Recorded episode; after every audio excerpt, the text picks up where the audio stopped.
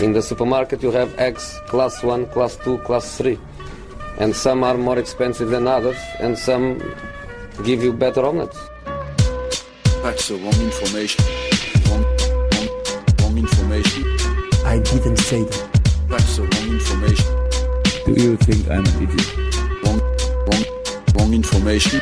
Now look at me when I talk to you. Your job is to tell the truth. That's the wrong information.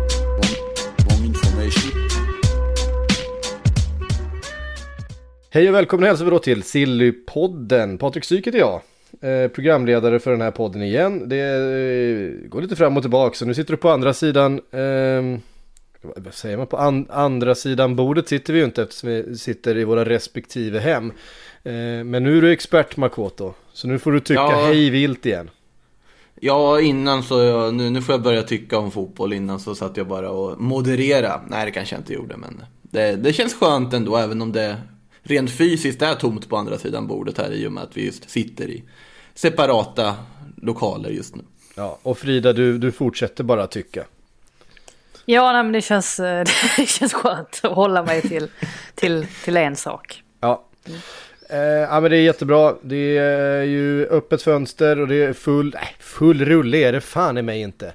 Men det, det, är- det, är- det, det är magra tider ute i fotbolls-Europa. Det är Ja, men väldigt lite tydligt. händer det ju. Ja, det, det, är klart, det är klart det händer grejer, men jag, jag, jag hade gärna sett att det hände mer i Liverpool. Men eh, ja, ja, så är det ju. Eh, vi börjar där i alla fall. Eh, Såklart vi gör. Nu är det och för sig jag som satt ihop schemat. Men... det, ja, det, det står ju högst upp i schemat som du har gjort. Eh, Men vi kommer också, vi kom, vi kommer ju också fram till varför det står högst upp i schemat som du har gjort eh, väldigt snabbt här. Därför att Ja, eh, eh, ja, enligt Klopp då och flera initierade källor så är det osannolikt att, att Liverpool plockar in någon mittback i januarifönstret fast de desperat behöver det. Ehm, det finns det här citatet från, från Jürgen Klopp. eh, It makes no sense To make the right thing makes sense. Just to do anything makes no sense. Alltså, de vill inte köpa någon bara för sakens skull. Eh, de ser det här projektet mycket mer långsiktigt än just bara de här närmsta kommande månaderna. Ehm, och ehm, de, de kommer hålla fast vid sin, vid sin ursprungliga plan är väl, är väl eh, är grejen. Sen till andra halvan av eh, det här första delen av körschemat. Liverpool ryktas vara intresserade utav Ramos till sommaren. Och där, där förstår man ju genast varför Makoto satte det högst upp i körschemat. Eh, den kan vi väl skjuta ner på en gång Frida? Tycker du det? Ja. Eh, ja, men om man tänker efter så det- Liverpool behöver är ju Alltså visst, de, de tittar alltid långsiktigt men de behöver egentligen främst en mittback som har lite rutin. Det har ju snackats väldigt mycket om Sven Bortman och jag tror att han passar väldigt bra in i själva mallen kring hur Liverpool, vilka spelare de vill rekrytera. Ehm, sen samtidigt så har han ju inte sådär jättemycket erfarenhet ändå. Ehm, eftersom att han är så ung också så att ska man få in en mittback då som, som har den rutinen som inte Reece Williams och Nat Phillips har. Ja men då får det ju bli någon av de lite höjdarna. Och Koulibaly kan vi nog sluta prata om nu för honom har vi pratat om de senaste fem åren tror jag. Till, Vi har ju inte pratat om honom i vinter. nej, nej men nu har man väl, nu har man väl gett upp. Det känns inte lite så att nu har man accepterat att han förmodligen kommer att stanna i Napoli. Men Sergio Ramos, jag tycker att den värvningen kittlar. Tycker inte du det Syk? Jo, alltså det är ju en eh, fantastisk mittback. Det är ju inget snack. Men att Liverpool skulle plocka in en... Vad är han, 35?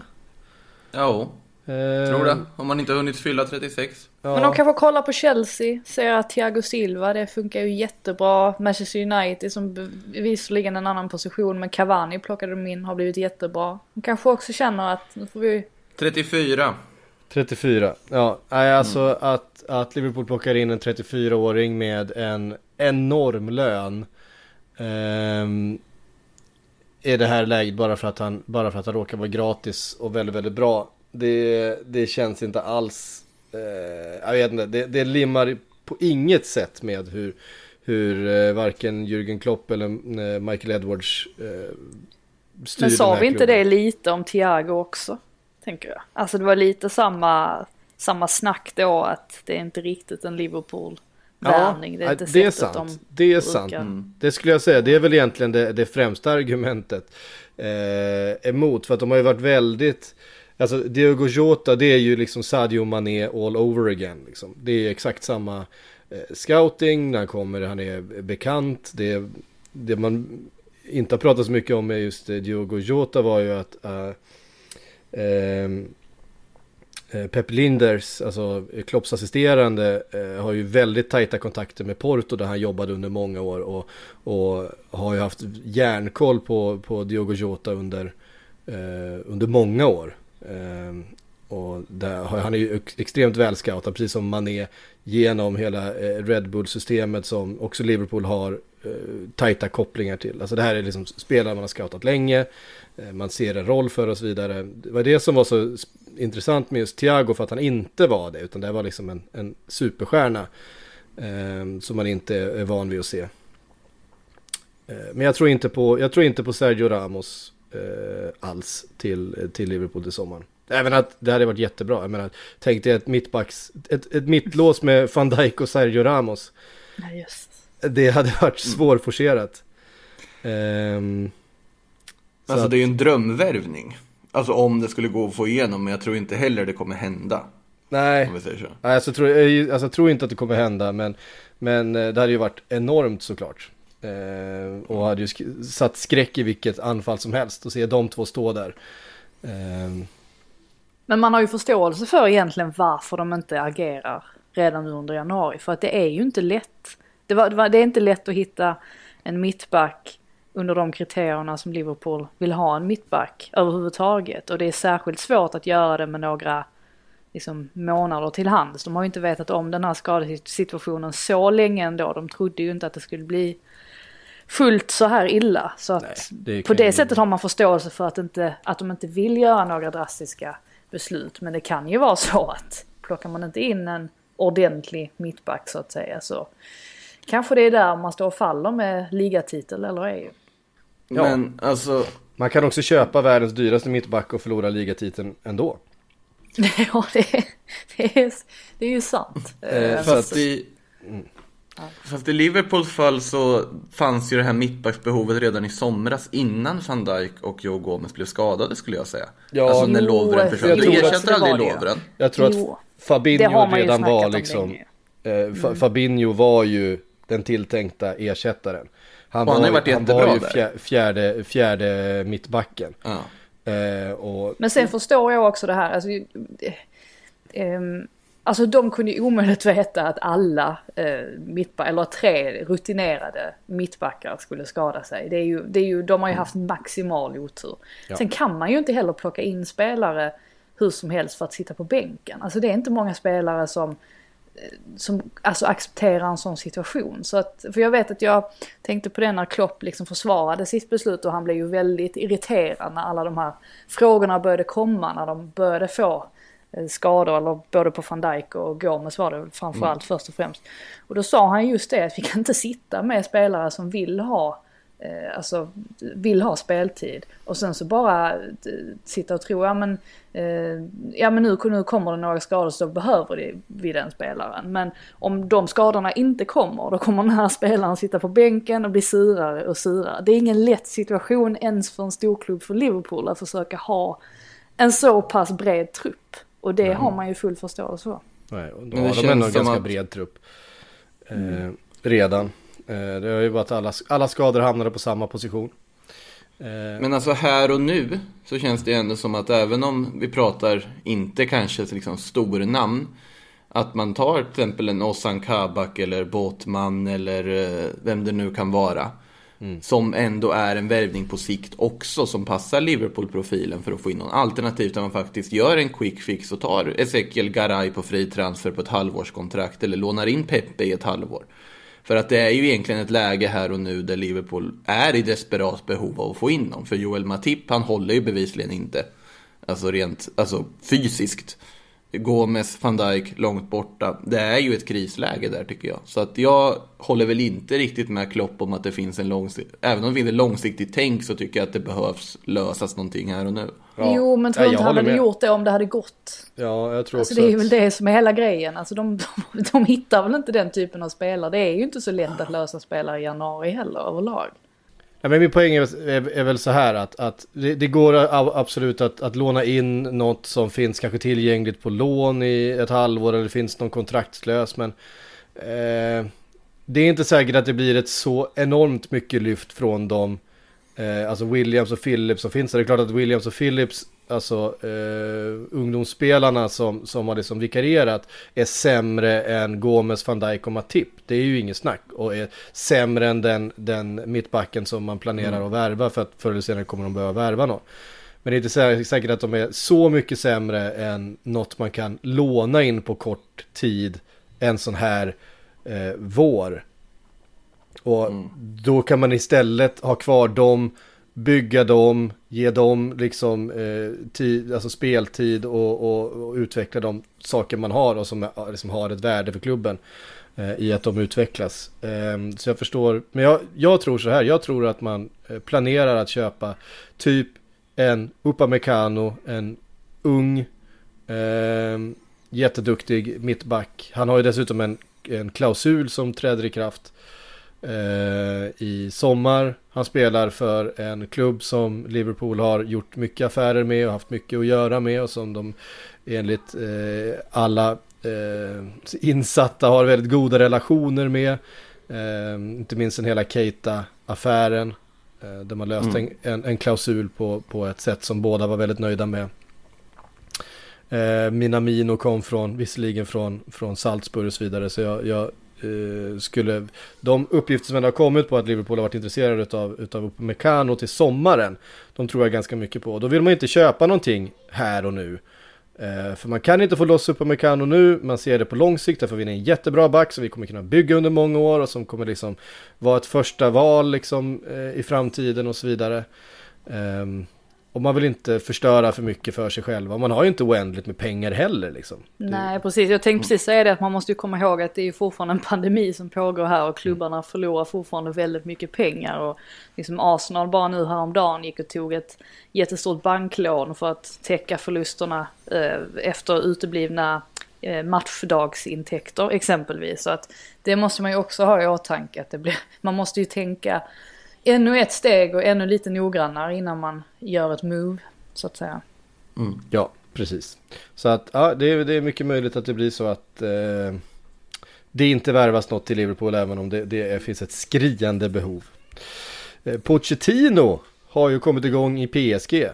Eh, och där, där kan det ju hända lite vad som helst. Det är ju ändå PSG. Där finns ju pengar att röra sig med om man, eh, om man vill. Eh, Pochettinos drömvärvning i sommar, Kun Agüero. Eh, ja, det är klart, det är ju ingen, det är ju ingen dålig spelare, men, men eh, forwards finns ju. Vad säger ni? Icardi har väl inte varit helt överdrivet bra heller där, men såklart de behöver lite fler alternativ. De behöver ju bredda truppen. Nu är inte Agüero en spelare att plocka in för att bredda någon trupp direkt. Och det känns ju som... Men det är väl att Di Maria lämnar ju sannolikt. När hans kontrakt går ut här då. Att han flyttar hem till Argentina eller hittar på något annat. Och då är det ju en lucka om du inte ska spela Icardi. Då är det ju Neymar på en kant, Mbappé på den andra och så har du Kun Agüero på mitten. För nu har det ju varit Moise Keane som har spelat ganska ofta som de också ska vilja köpa loss då. Eh, Jag tycker det känns som en klockren värvning om de lyckas få till den på fri transfer. Det är ju en väldigt bra fri transfer om de får igenom den. Och det har ju också varit lite den melodin som PSG gått på känns det som under de senaste transferfönstren. Att man kanske inte riktigt...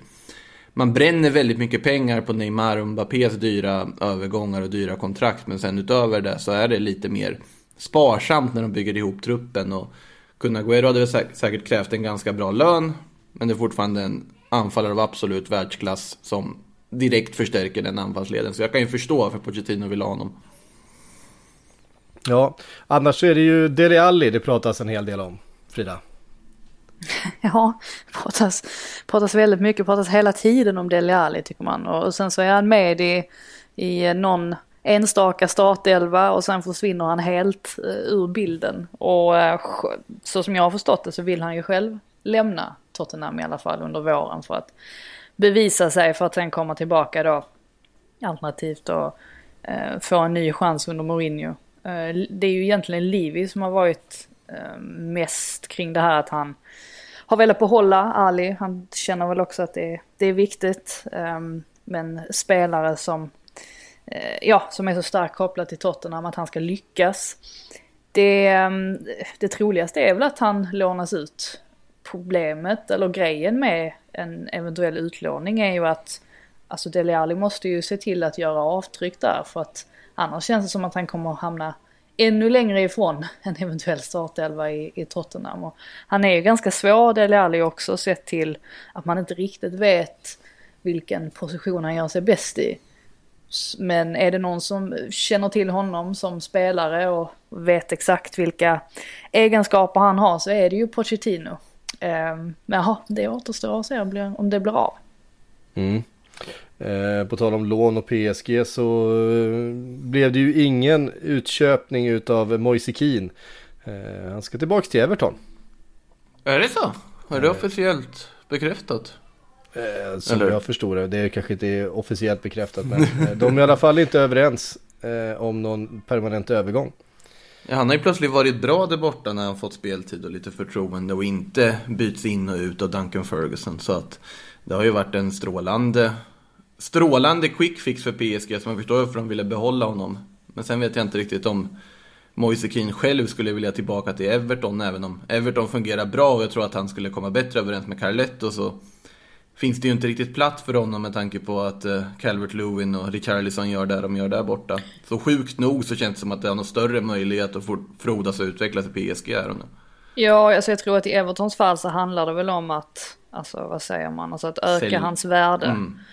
Um, att det känns uh, som waste ändå för de plockade in, när de plockade in honom så sågs det ju som en väldigt, väldigt smart värvning och alltså långsiktigt mm. bra. Um, så jag tror att man vill få ut mer av honom innan man släpper honom helt enkelt och det känns väl som att det är det enda rätta. Mm. Mm. Eh, Tottenham vi var inne på Tottenham alldeles nyss här lite grann med eh, Deli Alli. De närmar sig en Sabitzer-deal i sommar enligt brittiska medier. Även Arsenal kopplas nu samman med österrikaren. Sabitzer är ju en spelare som har klättrat upp på fleras radar tror jag. Eh... Jag tycker det är en kanonaffär. Det har jag sagt förut i den här podden också. Att de och att Arsenal kopplas samman, det tycker jag låter som ett sundhetstecken från Arsenal också. Det där känns som en mittfältare som skulle gå rakt in i den startelvan och göra nytta. Det sa vi i och för sig om Thomas Partey också. Eh, det har inte riktigt hänt, men han har haft skadeproblem och så vidare. Men eh, Marcel Sabitzer, jag förstår varför både Tottenham och Arsenal vill ha honom. Jag kan förstå om Sabitzer skulle vilja genomföra en sån flytt från Leipzig också, även om han har en väldigt viktig roll där och gjort väldigt mycket nytta där och få spela i Champions League och i toppen av Bundesliga så är det någonting ändå att flytta till Premier League till en stor klubb där. Ja, jag, jag, med kontraktet som går ut 2022 också skulle han inte kosta allt för mycket i sommar. Kan man tänka sig om han nu vill lämna så att man förstår varför Londonklubbarna håller ett extra vakande öga på honom. Mm. Um, på tal om uh, Arsenal, det ska göras av med spelare. Frida. Mm. Det finns eh, ganska mycket, en hel lista här. De som är eh, till försäljning då har vi Mustafi, El Neni, Reece Nelson, Callum Chambers, Balogun. Hur var det nu med uttalet på det där? Balogun. Balogun. Amerikanen.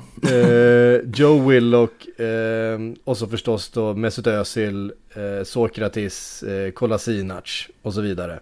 Um, mm, Kolasinac har väl i och för sig redan dragit på lån. Ja, han har lämnat. Uh, och det ska väl sägas också att alla de här är inte till försäljning utan uh, alltså Reece Nelson och Joe Willock som jag har förstått det så handlar det främst om utlåningar. Um, för att de gärna vill behålla homegrown players. Um, sen, uh, alltså den som sticker ut här det är ju uh, Followin Balogun såklart. Det är han det pratas mest om.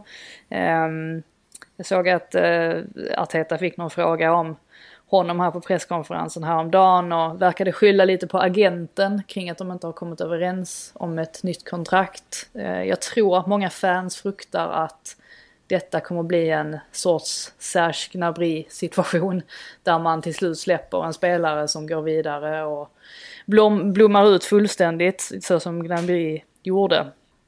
Ehm, samtidigt är det en väldigt svår situation också för att Ehm, ja det är väl klart att Arteta hade kunnat eh, inkludera Balogan i trupperna, alltså lite tidigare och liksom fått honom att känna sig delaktig i A-laget. Samtidigt så har man ju en Kettia som är, vad är han, två år äldre tror jag.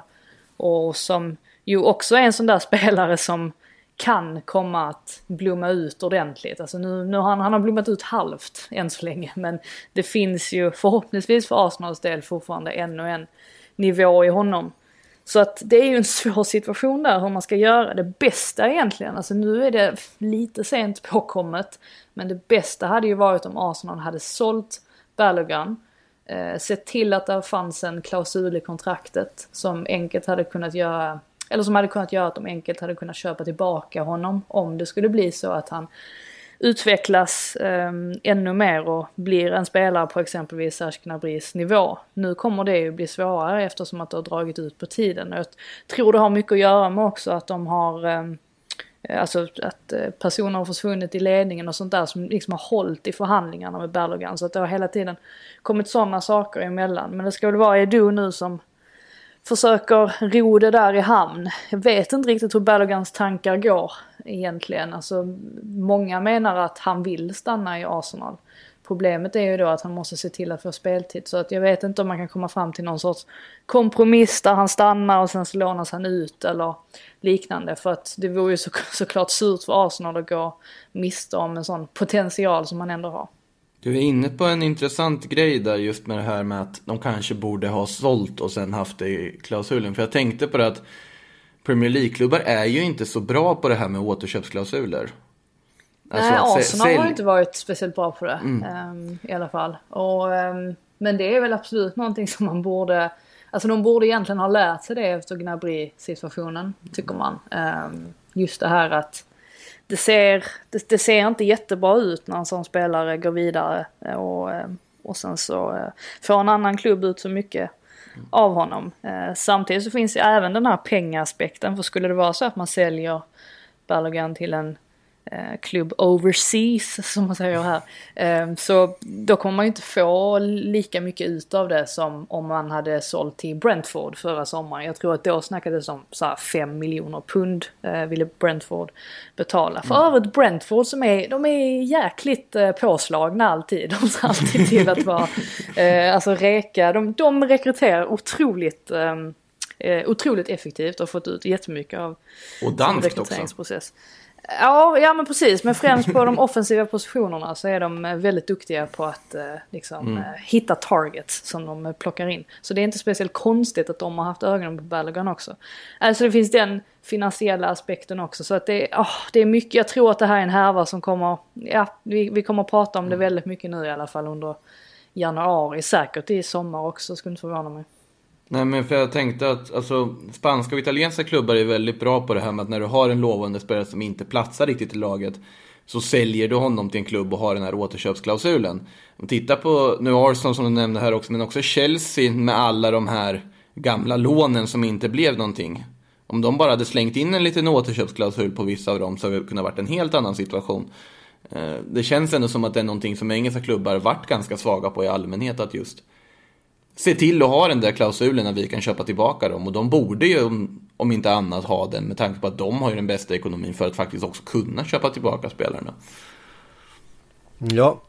Eh, vi stannar i Arsenal en liten stund till. Mesut Özil var en av dem som vi nämnde såklart. Han har väl eh, varit på väg bort från Arsenal de senaste tre åren. Ah, inte tre. Nej. han skrev på en förlängning där för två år sedan.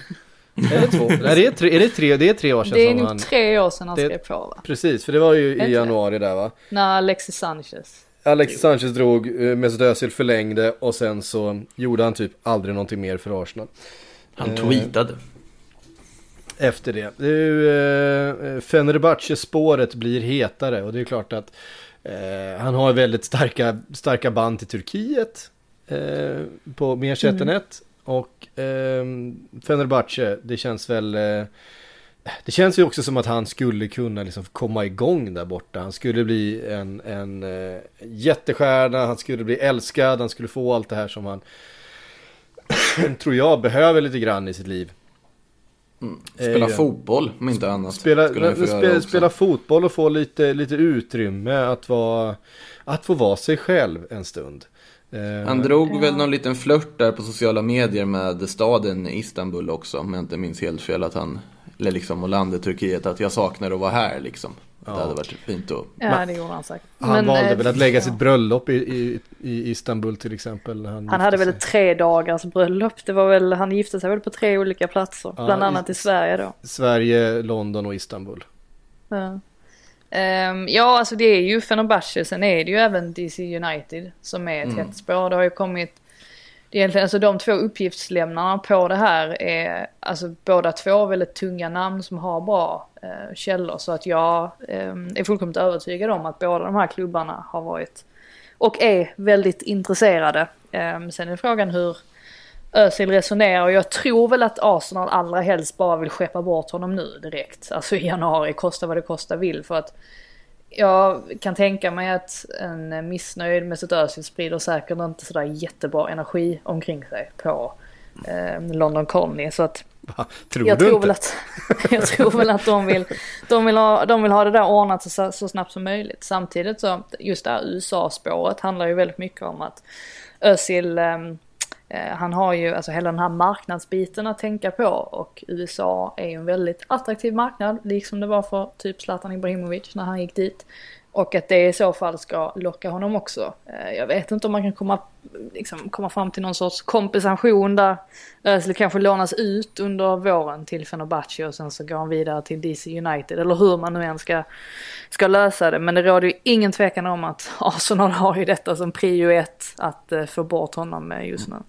Det känns ju som det kommer sluta med någon form av lån där Arsenal betalar en del av lönen till att börja med och sen att man försöker få in någon obligatorisk då köpklausul alternativt att han bara liksom flyter över till ägarskap till Alltså den de, andra det är klubben. ju ingen så. som, vill, ingen som vill betala hans lön. Alltså det är ingen som kan betala hans lön. Nej. Så att det är ju såklart, det, det är ju någonting man räknar med. Ja, ehm, ja, Mesut Özil kommer vi ju prata om fram tills att han eh, drar till Turkiet och sen så kommer vi inte prata så mycket mer om honom. Nej. Nej, fast jag, jag, måste, jag måste nämna en grej också. Att jag, jag lyssnade på radion häromdagen och så hade de en diskussion kring huruvida Özil borde ha en staty utanför The Emirates. Och jag, det där gjorde mig... Alltså jag, jag kan förstå det på ett sätt för att Alltså Mesut Özil är en fantastisk spelare och när han var som bäst i Arsenal så var han ju väldigt, väldigt bra. Men med tanke på allt detta som har hänt de senaste åren, då är det väldigt svårt att förstå varför någon ens skulle lyfta den frågan. Jag tycker i alla fall att det finns, det finns andra Arsenal-spelare jag hade rest statyer över. Ehm, Ja, ha- har, har Thierry någon? Ja, ja, ja, det har han. Han har en staty. Nej, men jag Självklart. känner att, alltså Özil, ja han var väldigt bra men det är ju inte ens knappt plakettvärdigt eller? Med tanke på liksom allt slutar. Ja, det var, det var liksom, eh, men det är ju så, han Mesut Özil, det får man ge honom. Han, han delar ju verkligen fanbasen eh, i två läger. Där den ena tycker att, uppenbart att han är en klubblegendar och den andra är, ja, det är typ Piers Morgan och resten som inte tycker att han har bidragit sådär jättemycket till klubben. Men det är intressant bara vad en eh, spelare kan eh, röra om känslor. Men så är det alltså om du bara tittar på det hur han är utåt. Han räddar Gunnerosaurus och tweetar eh, liksom motivational words till klubben efter varje match. Jo, Alltså- men varför gör han det? Det är ju bara Jo, för jo, jo, jo, naturligtvis är det det. Men jag menar att om man inte riktigt ser det så bara tittar på det så kanske man tänker att ah, men vilken, vilken hjälte, vad han bryr sig om klubben. Ja, då, då är han naiv. Då är man naiv alltså. Då, Ja, Folk är naiva. ja, kanske det. De som vill ha en staty av honom utanför Emirates. Nej, men jag tror att om man ska prata statyer, någon som, någon som jag tror var rätt nära staty, men som, men som rev den på förhand var ju Kim Kors- Källström. Korselny. Aha, Som ju var, var Oh. man har nästan glömt honom. Ehm, för att, Har det Nej, gått slutar bra för honom så i. Bordeaux? ja, det slutade ju verkligen inte bra. Eh, och han var, ju, han var ju verkligen en, en klubbhjälte och en legendar och deras lagkapten och hjärtat i klubben Mm. och sen så slutade det på det där sättet. Eh, kommer jag att tänka på nu. Förlåt alla Arsenal-supportrar att jag rörde upp gamla sår. Ehm, Eh, Det får bli sig gå över till Memphis Depay då. Se vad han rör upp för gamla sår. Eh, kan tänka sig sitta ut Lyon-kontraktet och gå först i sommar. Och vart ska han då Makoto? Ja, alltså han vill ju till Barcelona, känns det som. Sen är det ju återigen så att Barcelona, även om de ryktas vilja värva allt som finns, så har de inga pengar för att värva. Punkt slut.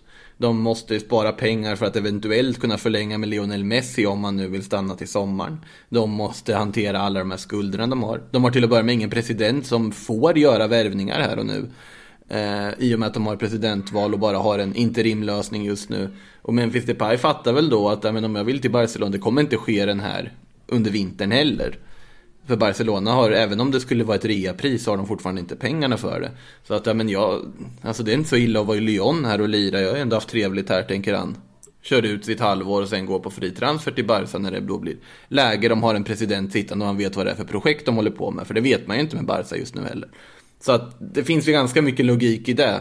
Och sen vet jag inte, det här PSG-spåret som dök upp, det har väl svalnat efter att eh, Pochettino tog över, för då är det gamla Tottenham-adepter och dylikt som ska in istället. Så att, eh, jag tror att Depay sitter nog lugnt där och trivs med sin fotboll en vår till i ligan.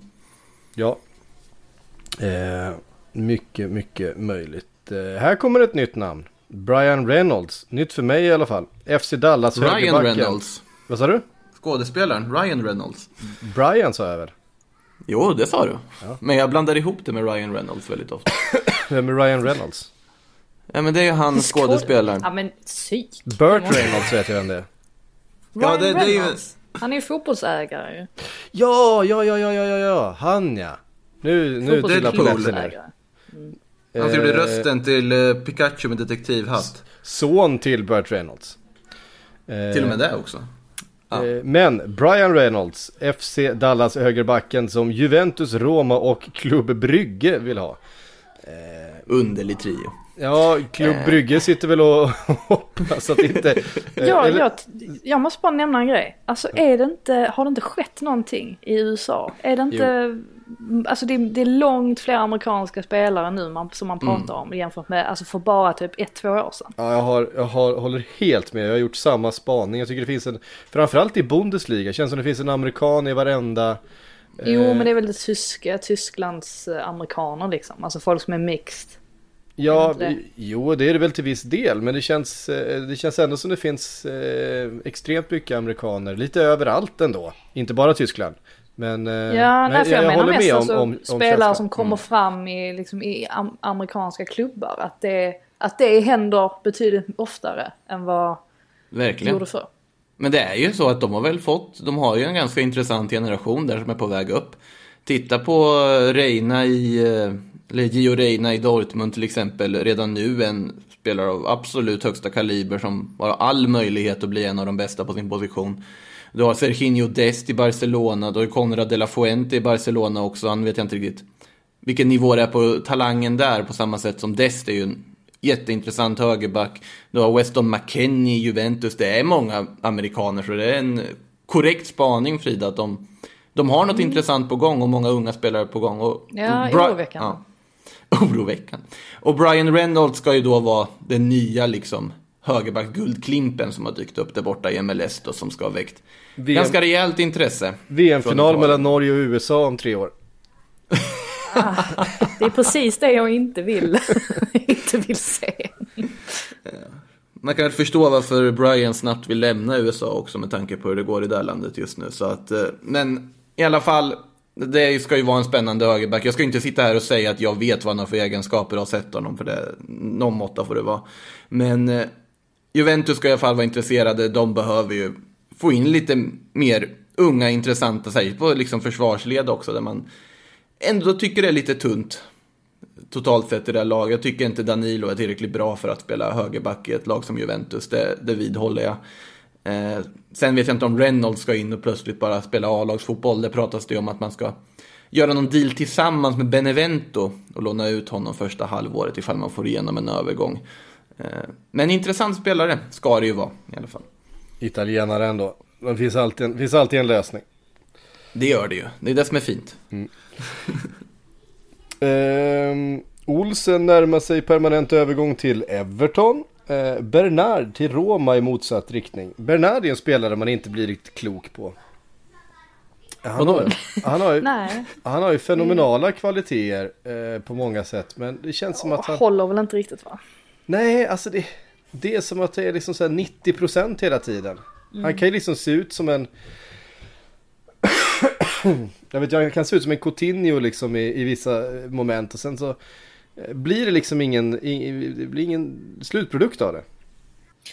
Nej, precis. Jag tror att Bernards bästa insats den här säsongen var väl kanske första halvlek mot Manchester United. Jag vet inte varför jag har det i bakhuvudet. Men ja, alltså dels har han ju blivit undanputtad när, um, alltså när nyförvärven kom in såklart. Uh, och sen så, ja, vore det nog kanske, alltså det är ingen spelare som Everton är så här desperata i att behålla. Alltså det, mm, så att jag kan väl tycka att det känns ganska rimligt ändå om han skulle lämna.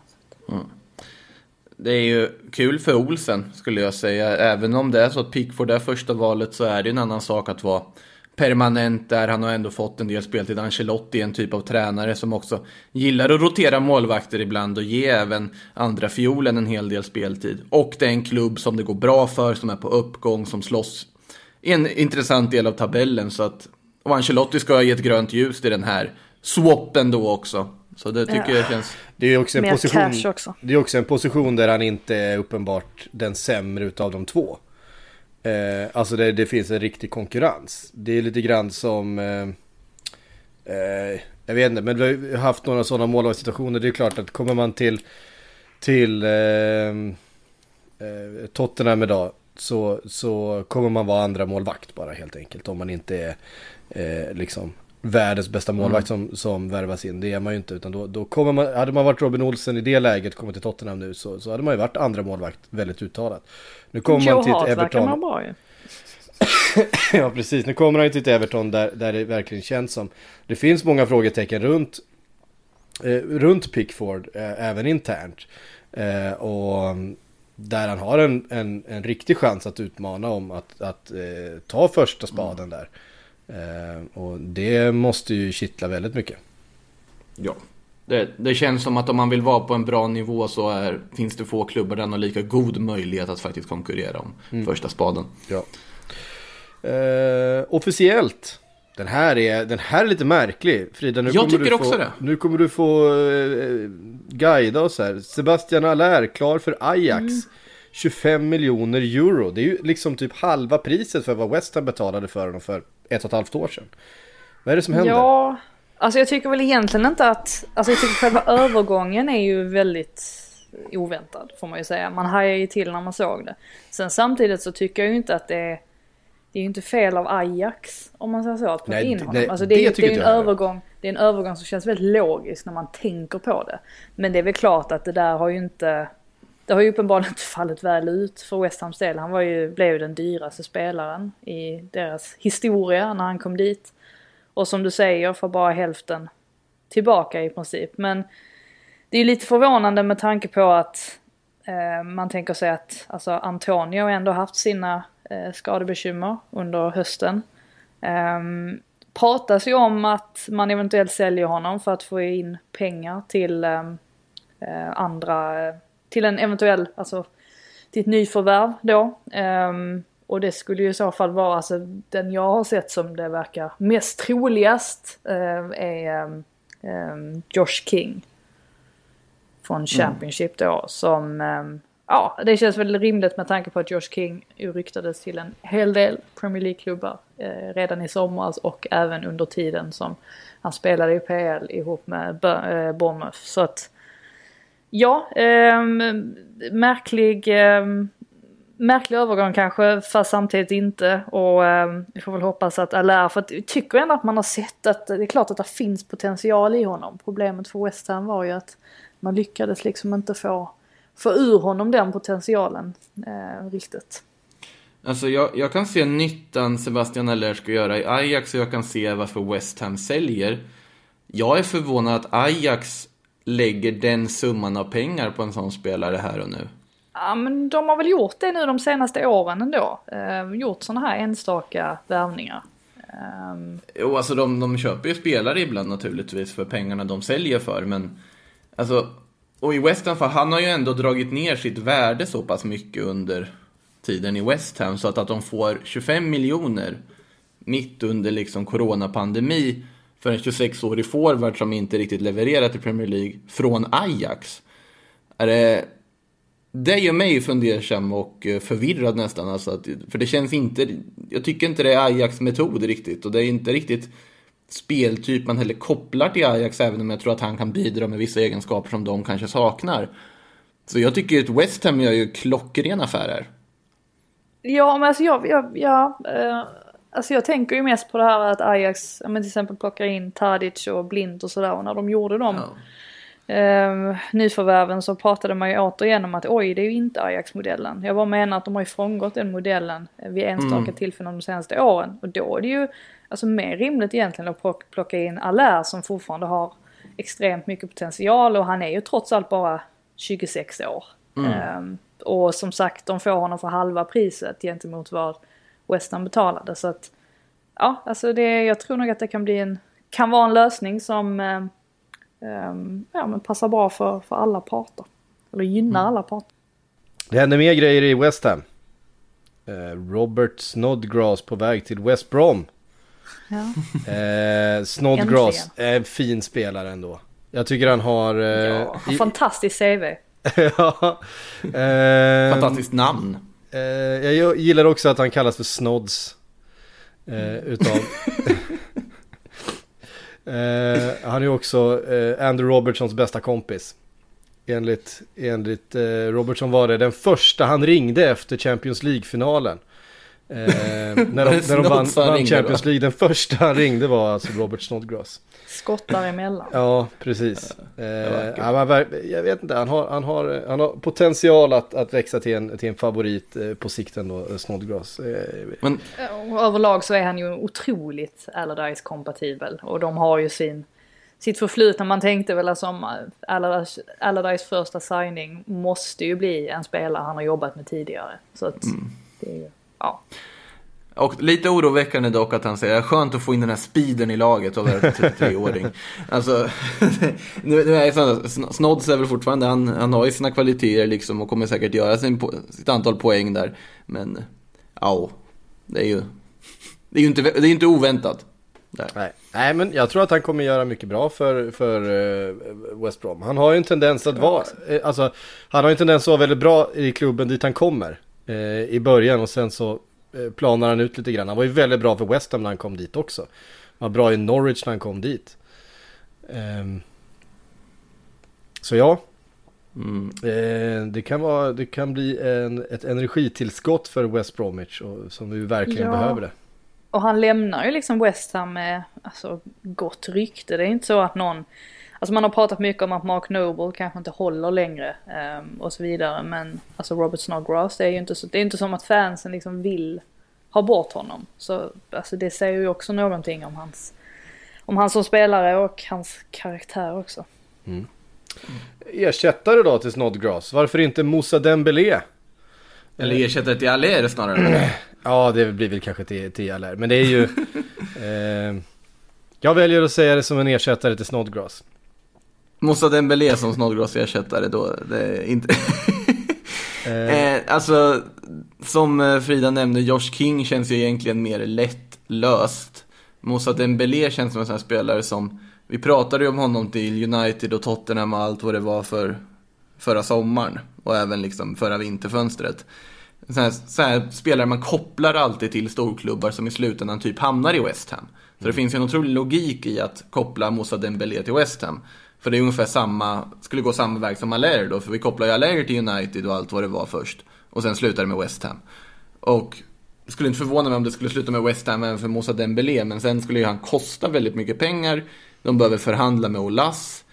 Eh, svårt att se den hända i ett januarifönster om de inte är riktigt desperata och inte typ lyckas värva loss Josh King och sitter där utan forward i sista timmarna av transferfönstret och undrar vad ska vi göra nu? Eh, men det känns väl här och nu som att Josh King kanske är ett rimligare och mer eh, sannolikt alternativ. Så som jag har förstått det så kommer inte Moussa Dembélé ske. Ehm, alltså att det Mm. finns ingenting som talar för det just nu. Och sen så får man väl titta också på att dels med Josh King så har du ju en, alltså det är en striker som även kan spela till vänster exempelvis. Ehm, Och eh, alltså han är versatile på det sättet. Jag tror att hans kontrakt löper ut i sommar. Så det är liksom mycket som, mycket som är, som talar för liksom att man ska kunna lösa honom. Ehm, en annan striker som eh, eh, flyttar på sig är eh, Patrik Cutrone. Eh, återvänder från Fiorentina till Wolves. Det har gått ut för med den karriären. Ja, Men nu kommer han till ett Wolves nu, nu, som... finns ju verkligen en, nu finns ju verkligen en öppning med tanke på Jiménez skada. Att gå in och spela lite Fan. nia. Fast Silva går väl före fortfarande eller? Alltså Har grejen är, jag är inte så säker på det. Nej, jag är inte så säker på det. Ehm, alltså Fabio Silva, det är, jo, det är väldigt uppenbart att han, att detta har varit lite för övermäktigt för honom. Att eh, kunna hantera, att vara Jiménez backup. Uh, I ärlighetens namn så, så jag hade nästan glömt bort att Cotrone tillhörde Wolves. Alltså, Det har man gjort. Det är ju så pass illa. Eh, men absolut, det pratas ju om att, ehm, alltså de försöker ju desperat att få till ett eh, lån då först och främst i januari eh, på strikerpositionen. Men skulle man inte lyckas med det, ja då ser man det ju som att Cotrana här har, precis som ni säger, världens möjlighet att visa vad han går för. Men eh, som sagt, det är ju väldigt mycket begärt från spelare som kanske har eh, ja, alltså misslyckats. Det är, det är ett stort ord men eh, ja, han har ju i alla fall inte levt upp till förväntningarna riktigt. Nej, Mm. är väl fortfarande ganska ung så att eh, det känns som att den, kan han bara få pilla in ett par bollar där i liksom, i en återvänd och få tillbaka lite självförtroende så kan det säkert bli bra. Ja, alltså är född 98 ju så att det är ju, Ja, det finns ju mer att ge. Ja precis. Eh, och med den uppenbara luckan som finns för honom i Wolves nu och ett, och ett bra lag som Wolves fortfarande är. Det, det, jag tror att det, det är... eh, Jag tror att han ändå kan åka dit med viss liksom, förhoppning om att det, det finns en möjlighet att göra någonting här. Alltså han har ju mer erfarenhet också än just Fabio Silva ju. Ehm, De Fabio Silva är ju gör- 12 år gammal. Alltså, Han, han spelar ju som att han är 12 år gammal Ja, det också. Ser det är ut så, problemet liksom. lite. Nej, Jag hoppas han ska lyfta för det känns som att Alltså det var ju en sån anmärkningsvärd summa de betalar för honom Så man sitter ju och väntar på att man ska få se just den här råa kvaliteten som han ska besitta Men det men det är ju Ja, också och det och det har är ju man en ju. summa som drivits Ja. upp. Det är sånt mygel. Men grejen är som man har ju sett, alltså man ser ju hans kvaliteter tycker jag, alltså Fabio Silva. Man ser, Mm. om, man ser att han besitter en otrolig potential. Men det är inte enkelt heller som 19-åring. 18-åringen är han väl till och med? Jo, Ja, jag 18 tror år. det. Mm. Eh, Att gå in och försöka axla rollen efter, Nej. eh, alltså en spelare som har varit den viktigaste spelaren kanske, eller den mest fundamentala i alla Mm. fall, eh, i laget. Det, det säger ju sig självt att han behöver avlastning. Det kan nog göra honom väldigt gott och det kan nog hjälpa honom att utvecklas ännu mer också istället för att det blir den här enorma pressen på honom varje Mm. match. Ja. Takifusa Kubo Makoto. Det är, Ja. det är så man ser att det är du som har gjort sk- körschemat för dagen. Ja Till, men han ska in han ska till in. Getafe. Eh, Ja, det handlar ju bara om tid där liksom enligt Getafe-presidenten då Angel Torres. Men han kan ju vara ute och svinga ganska rejält ibland och uttrycka sig utan att det egentligen ligger någon, någon grund för det. Eh, ganska karismatisk, intressant president. Suttit där hur länge som helst verkligen. Eh, I Kubos fall, jag vet att jag har suttit i den här podden tidigare och sagt att ja men såklart han bara ska kämpa för sin plats i Villarreal. Men den situationen har blivit ohållbar. Han måste börja få speltid. Det kan han få i Getafe. Getafe har inte den typen av spelare som Kubo är. Han kommer få helt annat offensivt liksom, ansvar.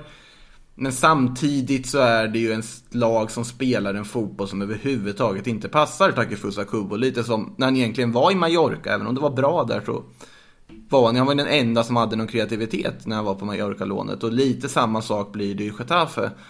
Eh, man är lite orolig, jag har ju sådana enorma förhoppningar och förklarliga skäl på honom eh, Att det ska bli någonting av honom. Men eh, man får väl hoppas att det lyfter nu i Getafe, att, de, att det går igenom det här lånet och att han börjar få lite speltid igen. För i Villarreal under Unai Emery kommer han ju inte få det. Nej. Ehm, den här då? Jag har en, av, en avrundare. Maikon Det är ju vackert. Det är så till vackert. Italien igen. Är han bara 39? Ja, Det är tydligen. ju ingen ålder. Eh, Division 4-klubben Sona. Där väl Ja, också ehm, eh, Lucio ska, Ja, precis. De vill ha Lucio också. ska vara av Jag tycker- intresse. Hur gammal är Lucio? Han måste vara äldre än vad jag är. Fan. Alltså, Lucio är en sån här back som det pratas allt för lite om när man mi- minns tillbaka och sånt. Jag tyckte ju han var helt fantastisk när han var som bäst.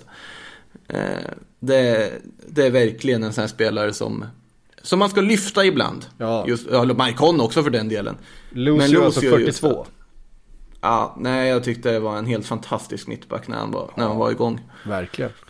Eh, definitivt. Ja, ja, det, det, är, även- det är italienska division 4.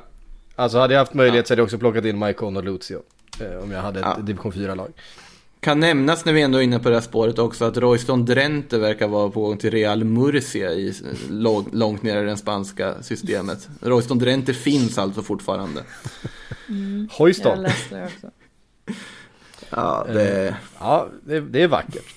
Eh, faktiskt. med det så kliver vi upp på lite lyssnarfrågor. Vi har fått från Atalanta Sweden. Undrar vad händer med eh, Ahmed Hodzic till Atalanta? Väldigt bra fråga. Eh, vart ganska tyst, vad jag har sett. Alltså senaste tiden kring det. Men sån där tystnad kan ju antingen innebära att det här bara var ett litet rykte som florerade upp och sen bara dog ut och man gått på andra alternativ. Alternativt att det faktiskt håller på att hända någonting och att det jobbas just nu på det. det är, man kan ju tolka det på olika sätt men just nu har det varit ganska tyst med uppdateringar kring Ahmed Hodzic och just Atalanta då. Vad jag har sett i alla fall. Ja, eh, det var eh, mycket snack där för ett tag sedan. Men eh, det har verkligen eh, dött ut den, eh, det ryktet. Men det kanske är Det är fortfarande en bra affär för alla parter skulle jag säga ifall Känns den så. går igenom. Sagt, det har varit väldigt spännande att se honom där.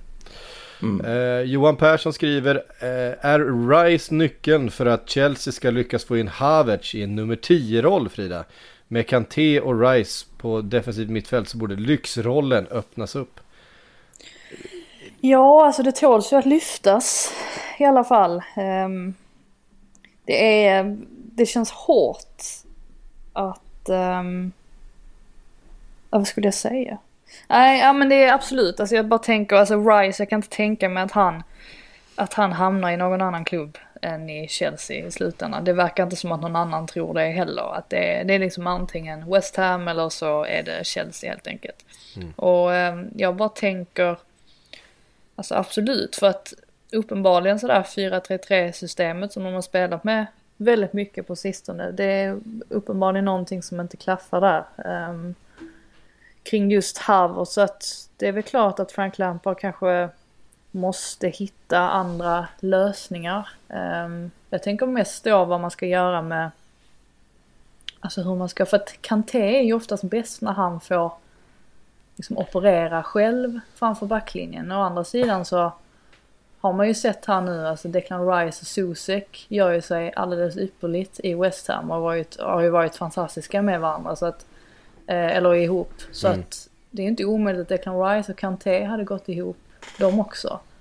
Och ehm, ja, frågan är då bara, alltså vem, då måste ju någon offras där också men det blir väl Jorginho. Ehm, det är väl han, alltså i mitt tycke, som de borde arbeta hårdast på att försöka få bort i så fall, eller försöka sälja.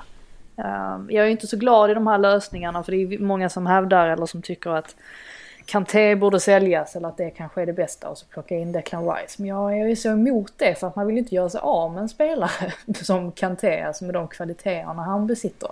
Nej, Så att ja, det är väl inte omöjligt att det kanske är en... han har ju Det verkligen känns varit i väl inte som en upgrade heller.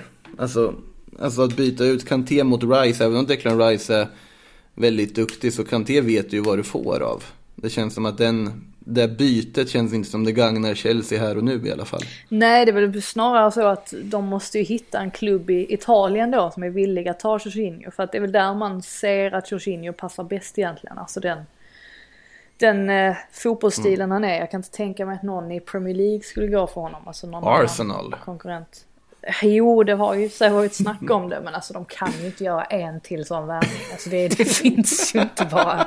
Det vore ju helt sjukt om de gjorde det. Men Eh, vem har Jorginho som agent? jag vet faktiskt inte.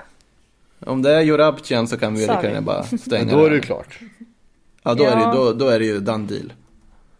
Nej, jag vet faktiskt inte vad... Um, jag har nog läst det någonstans men har helt glömt bort. Men... ehm, ja, nej men Wow absolut. Santos. Ja, den, det säger inte jag vet inte. jätte- Det säger mig inte någonting heller. Nej. Eh, men ja, men varför inte? Alltså det är ju så svårt det här med Harvards också. Eh, det känns som att han, alla, alltså, han har fått chansen på rätt många positioner men det verkar mest som att det, det faller inte ut väl någonstans. Men såklart, det är ju nyckeln för Frank Lampard också. Han måste få igång Harvards och Werner. Werner har ju kommit igång på ett sätt men han måste börja göra lite fler mål. Det är ju där prestigen ligger för Chelsea. Eh, eftersom att de var deras största värvningar. Och där är det Vilket är väl ett också... luddigt svar men jag, jag tänkte samtidigt som jag pratade, det är därför det blev så. Luddiga svar är bra tycker jag, men alltså, vad heter det, Zi- Ziyech där är ju också en liksom nyckel. Man måste ju se hur det går när Ziyech är helt frisk och de får spela ihop sig lite. För det tror jag också kan vara det som kan lyfta Kai Havertz. Att få en sån bollmagiker Jo och men han var ju bra, alltså han var ju Ja, väldigt precis. bra för, eh, alltså under oktober-november. Eh, Mm. Och Havertz var ju fortfarande, ja alltså hittar ju inte rätt ändå. Nej. Men absolut, alltså man får ge honom mer tid såklart. Man kan Ja, inte ja. döma ut honom nu efter ett par månader i England. Ett helt nytt land och nytt li- ny liga. Men de har en del att fundera på där, Chelsea. Mm. Så är det ju. Ja, ehm, vi har fått en eh, fråga här från eh, Per Karlsson. Vilka alternativ kan finnas för Manchester United på en mer erfaren offensiv högerback än Van Bissaka? Som ju inte eh, har, har haft någon jättebra vinter. Eh, Ja, fast man ska väl inte byta ut honom? Alltså då är det ju snarare att du ska ja, ha var ju betalat enorma pengar för honom. Ja, Ja, men han var ju bra mot alltså Manchester City nu till exempel. Eh, Alltså han har ju inte varit, han har inte varit dålig. Problemet med honom är ju att han är inte kanske så pass bra offensivt som en storklubb som Manchester United vill att ens högerback ska vara. Men samtidigt så tycker jag att när Solskjaer själv har påtalat att han har liksom försökt få Wan-Bissaka att gå framåt betydligt mer så tycker jag ändå det har sett bättre ut på sistone. Men eh, ja, det är klart man behöver en back. fascinerande, fascinerande att en vad heter det, omskolad ytter som blev en högerback har problem med det offensiva Ja. istället, det kan jag tycka. Eh, Men annars så det var väl Kieran Trippier ska ju vara liksom bekräftat att de ändå hade någon form av intresse för under hösten åtminstone. Sen fick ju Tri- Trippier den här bettingavstängningen som gjorde att den affären vart ju överhuvudtaget inte aktuell någon mer. Eh, Men annars så, det verkar ju onekligen som att United ändå tittar på någon form av avlastningsalternativ till Van Bissaka. Och vilket Men de det- måste ha ju. Så att det känns Ja, det finns ju inte, ja det är väl att Tuanse behåller väl inte riktigt som andra högerback kanske. Nej, och sen Fosse Mensa är det ju som... Ja, just det, Fosse Mensa har vi ju också. Jag vet inte vem det skulle vara. Hysaj, Napoli. Plocka hem inte Valencia. offensivt Ja. han är i och för sig. Va? Ja, Valencia, just. Vad gör han idag? Är inte han i eh, Ecuador och, eller någonting och Ja, det är möjligt. ha kul? Ja, jag har ingen aning. Ja. Eh, hur som helst, eh, det var faktiskt allt vi hann från Sillypodden idag. Eh, Sillypodden tillbaks nästa vecka igen. Såklart. Och eh, Premier League-podden och eh, våra andra begivenheter. Eh, tack Frida, tack Makoto för att ni var med. Tack alla ni som har lyssnat på återhörande.